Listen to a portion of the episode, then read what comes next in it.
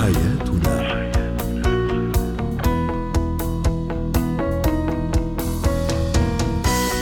من جديد أرحب بكم مستمعينا الكرام. أنتم تستمعون لبرنامج حياتنا. برنامجكم اليومي الذي يعنى بشؤون الأسرة وباقي الشؤون الحياتية الأخرى والذي يمكنكم الاستماع إليه عبر منصة البودكاست لسكاي نيوز عربية. معي أنا طيبة حميد.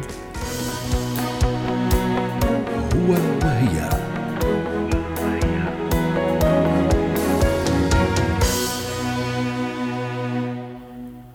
هناك نوع من العلاقات العاطفية يكون أحد طرفيها منغلق هو الشريك المنغلق. يعرفه البعض بأنه الشخص المتحفظ الذي لا يود الانفتاح على المعارف أو التجارب أو آراء الآخرين ولا يقتنع سوى برأيه. فمن هو هذا الشريك وكيف نتعامل معه؟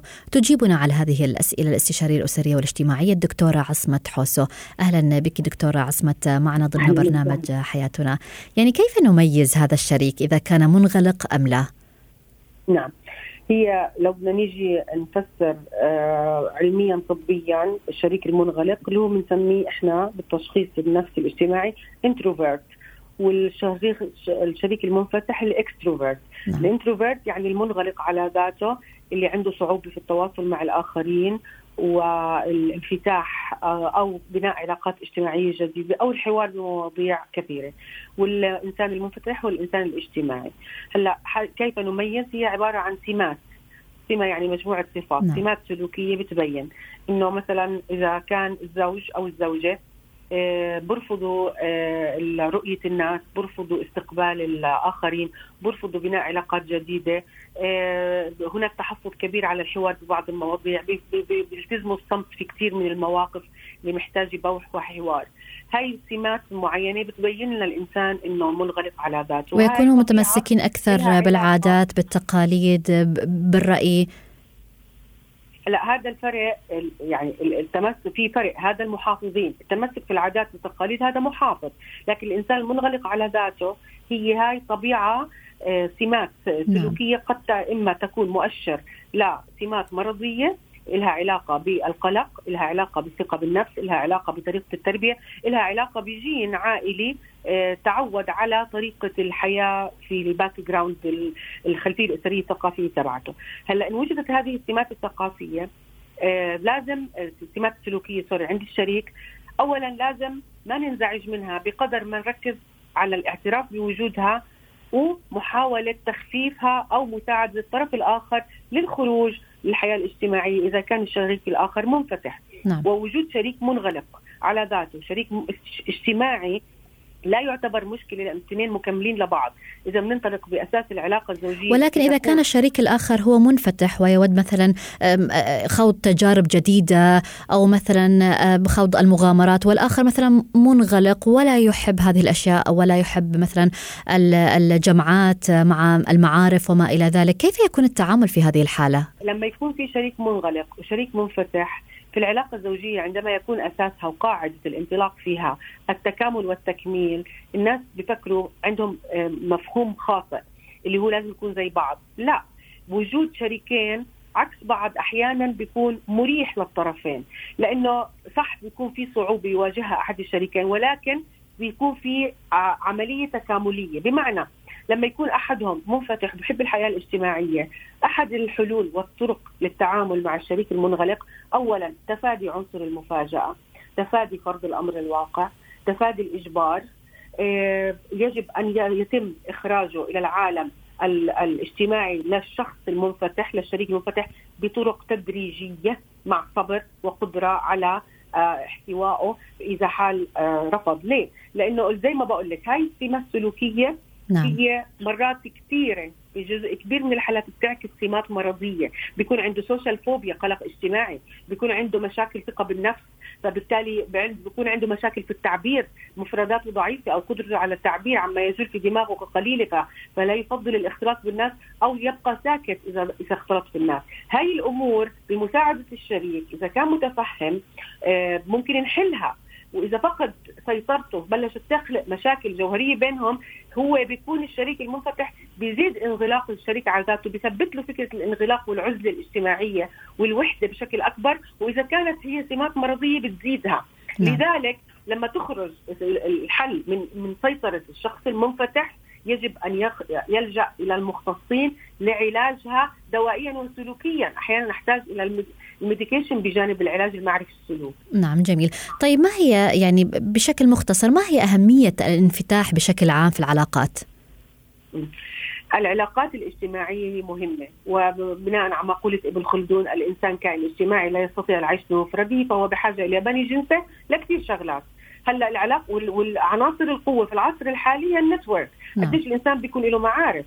لكن إذا كانت على حساب العلاقة الزوجية والعلاقة الأسرية هون بتصير خطر.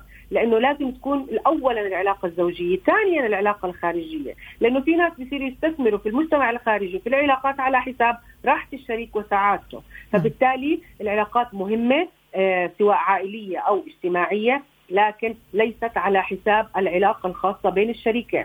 شكرا لك على جميع هذه التفاصيل الاستشارية الأسرية والاجتماعية الدكتورة عصمت حوسو. مهارات حياه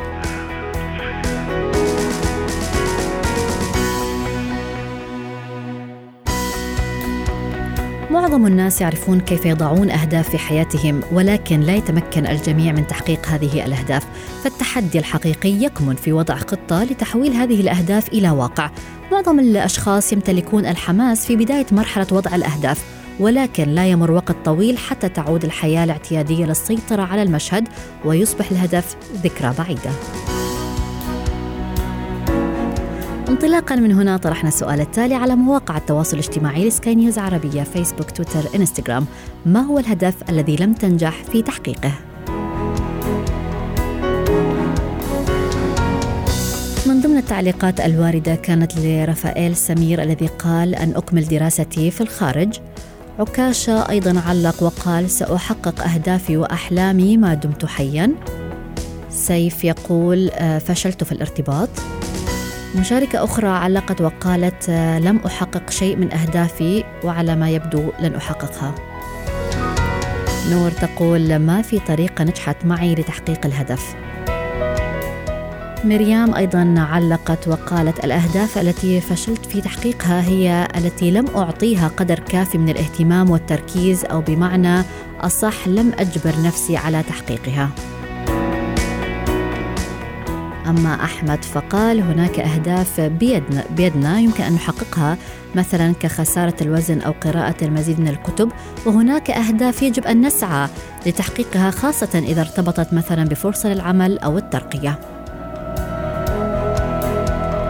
إذا للحديث عن هذا الموضوع تنضم لنا مدربة مهارات الحياة تانيا عوض. أهلا بك أستاذة تانيا. يعني أسباب المشاركين اختلفت في عدم القدرة على تحقيق الأهداف. هناك دراسات تقول أن أقل من عشرة في المئة من الناس هم يستطيعون بالفعل أو يشعرون أنهم حققوا أهدافهم. هل هذا صحيح؟ لا أدري الأرقام تقلقني أحيانا حسب أين اجريت الدراسة وفي أي ثقافه وفي أي بلد وفي أي إطار نعم. أنا دائما حذرة من الدراسات ولا أخذها على أنها معممة آه، أخذها بإطارها ولكن علينا اولا آه، التفرقة بين أحلامنا وأح وأهدافنا. جميل. غالبا ما نحلم معتقدين أنه هدف وضعناه أمامنا. الهدف هو الحلم آه، هو أجمل ما ما نملك ولا وما من أحد يمكنه أخذ أحلامنا منا وهي وهي بداية تحقيق الأهداف.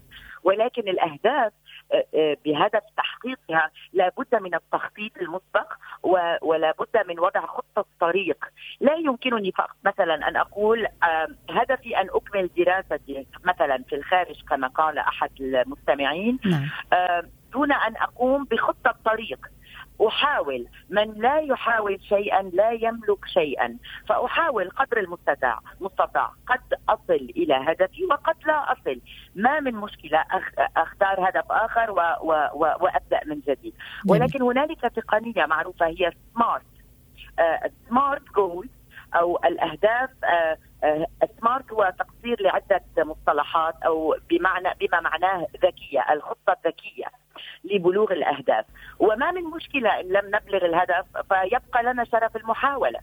فلا لا يجب علينا أن نيأس سمعتك تقولين أن إحدى المستمعات تقول لم أحقق شيئا ويبدو أني لن أحقق شيئا تماما. في حياتي طب ماذا نقول لهذه المستمعة أستاذة تانيا يعني ما المطلوب نعم. لكي تحقق الهدف؟ نعم ما يمكنني أن أن أقوله لها فرقي أحلامك عن أهدافك. حولي أحد الأحلام إلى هدف ذكي سمارت كيف نقوم بذلك؟ اختاري هدف ابدأي بالأمور البسيطة الصغيرة الممكنة. أولا يجب أن يكون الهدف محدد. نعم. حددي بكلمات ومصطلحات واضحة. ما هو الهدف الذي تريدين تحقيقه الآن؟ لنقل مثلا خسارة وزن هو مصطلح عام جدا.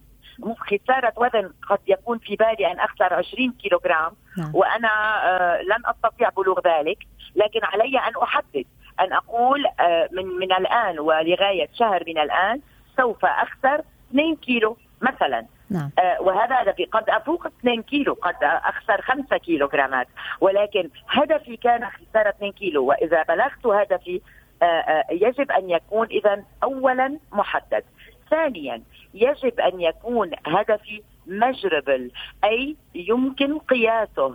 لا يمكنني أن أرمي مثلا آه ادرس في الخارج لنقول وأنا أرتكز هنا عن آراء المستمعين. نعم. آه، الدراسة في الخارج هو مصطلح عام. لا يمكنني القياس إذا بلغته أو لا. أين سادرس بالخارج في أي اختصاص؟ اي جامعة. هل يمكنني البدء بها أو لا؟ يمكنني البدء بأمر أصغر. يجب أن يكون أمر يمكنني قياسه آه، آه، أضع لنفسي طريق. سوف أجمع ما يكفي من المال لنقل أو أحصل على ما يكفي من شهادات نعم. تتيح لي امكانيه الحصول على آه، مساعدة مالية للسفر أو تتيح لي الإمكانية للتوسع والتسجيل في الجامعة كذا لسنة كذا آه، آه، لدراسة كذا وكذا. أي يمكنني قياس ذلك. إذا أولا هدفي يجب أن يكون محدد. ومن ثم قابل يمكن القياس. قياسه. نعم. طبعا وعلي أن أختار هدف يمكن بلوغه. لا يمكن اختيار قابل إنه يتحقق. قابلة للتحقيق والتطبيق. جميل. علي أن أكون محددة جدا وواقعية جدا لأن الهدف أكرر ليس الحلم. ورابعا يجب أن يكون هدفي منطقي. آه، اي أي مرتبط بواقع الحياة. مرتبط. طبعا وبقدراتي وبإمكانياتي. مثلا أقول أنا أريد تعلم أريد أخذ شهادة في اللغة الإسبانية ولا أقوم بأي مجهود لتعلم آه، أسس اللغة أو بداية اللغة أو لأستمع إلى أفلام مثلا في الاسبانيه تساعدني كي أفهم منطق اللغة مثلا نعم. آه، اذا يجب أن يكون منطقي ويتطابق مع مقدراتي وقدراتي النفسية الشخصية والمالية والاجتماعية إلى ما هنالك وأخيرا في سمارت جولز أي الأهداف الذكية الهدف الذكي يجب أن يرتكز على خارطة طريق مرتبطة بفترة زمنية محددة أضعها لنفسي منطقية هي الأخرى. اذا هدف محدد يمكن قياسه يمكن بلوغه منطقي ومرتبط بفترة زمنية أضعها لنفسي إن لم أبلغها إما أمدد مدرة آه، فترة الزمنية إن كنت في وسط الطريق أو في 90% آه، من طريقي لبلوغ الهدف أو أقو أعترف بأن هذا الهدف صعب المنال حاليا فأنتقل لتحديد هدف ثان انطلاقا من أحلامي الكبيرة نعم طب أستاذة تانيا هل هناك تحديات قد تواجهنا أثناء تحقيق هذه الأهداف أو أمور خاطئة قد نقوم بها مثلا قد تعيق تحقيق هذه طبعا. الأهداف أيضا؟ طبعا فنحن بشر اولا آه، نخطئ ونتعلم من أخطائنا على أمل أن نتعلم دائما من أخطائنا والخطأ هو مدرستنا في الحياة. فقد نخطئ طبعا وقد لا نخطئ ولكن تواجهنا صعوبات لا نملك السلطة عليها.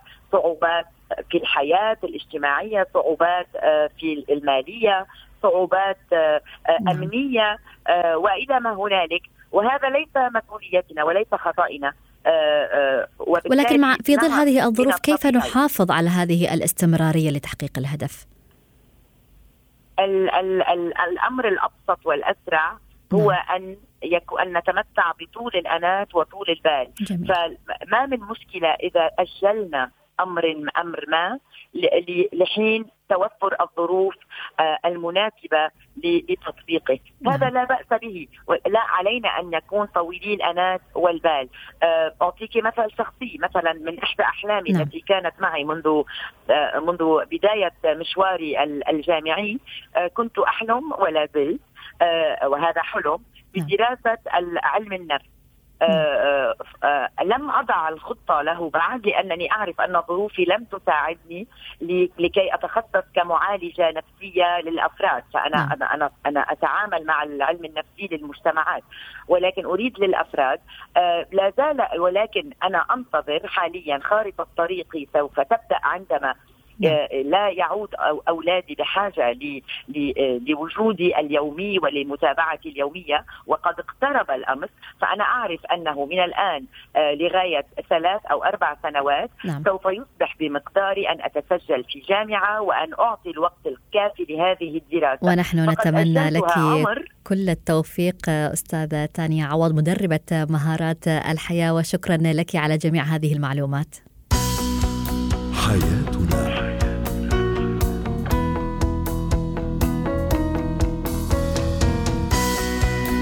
إلى هنا نصل وإياكم مستمعينا الكرام لختام برنامج حياتنا.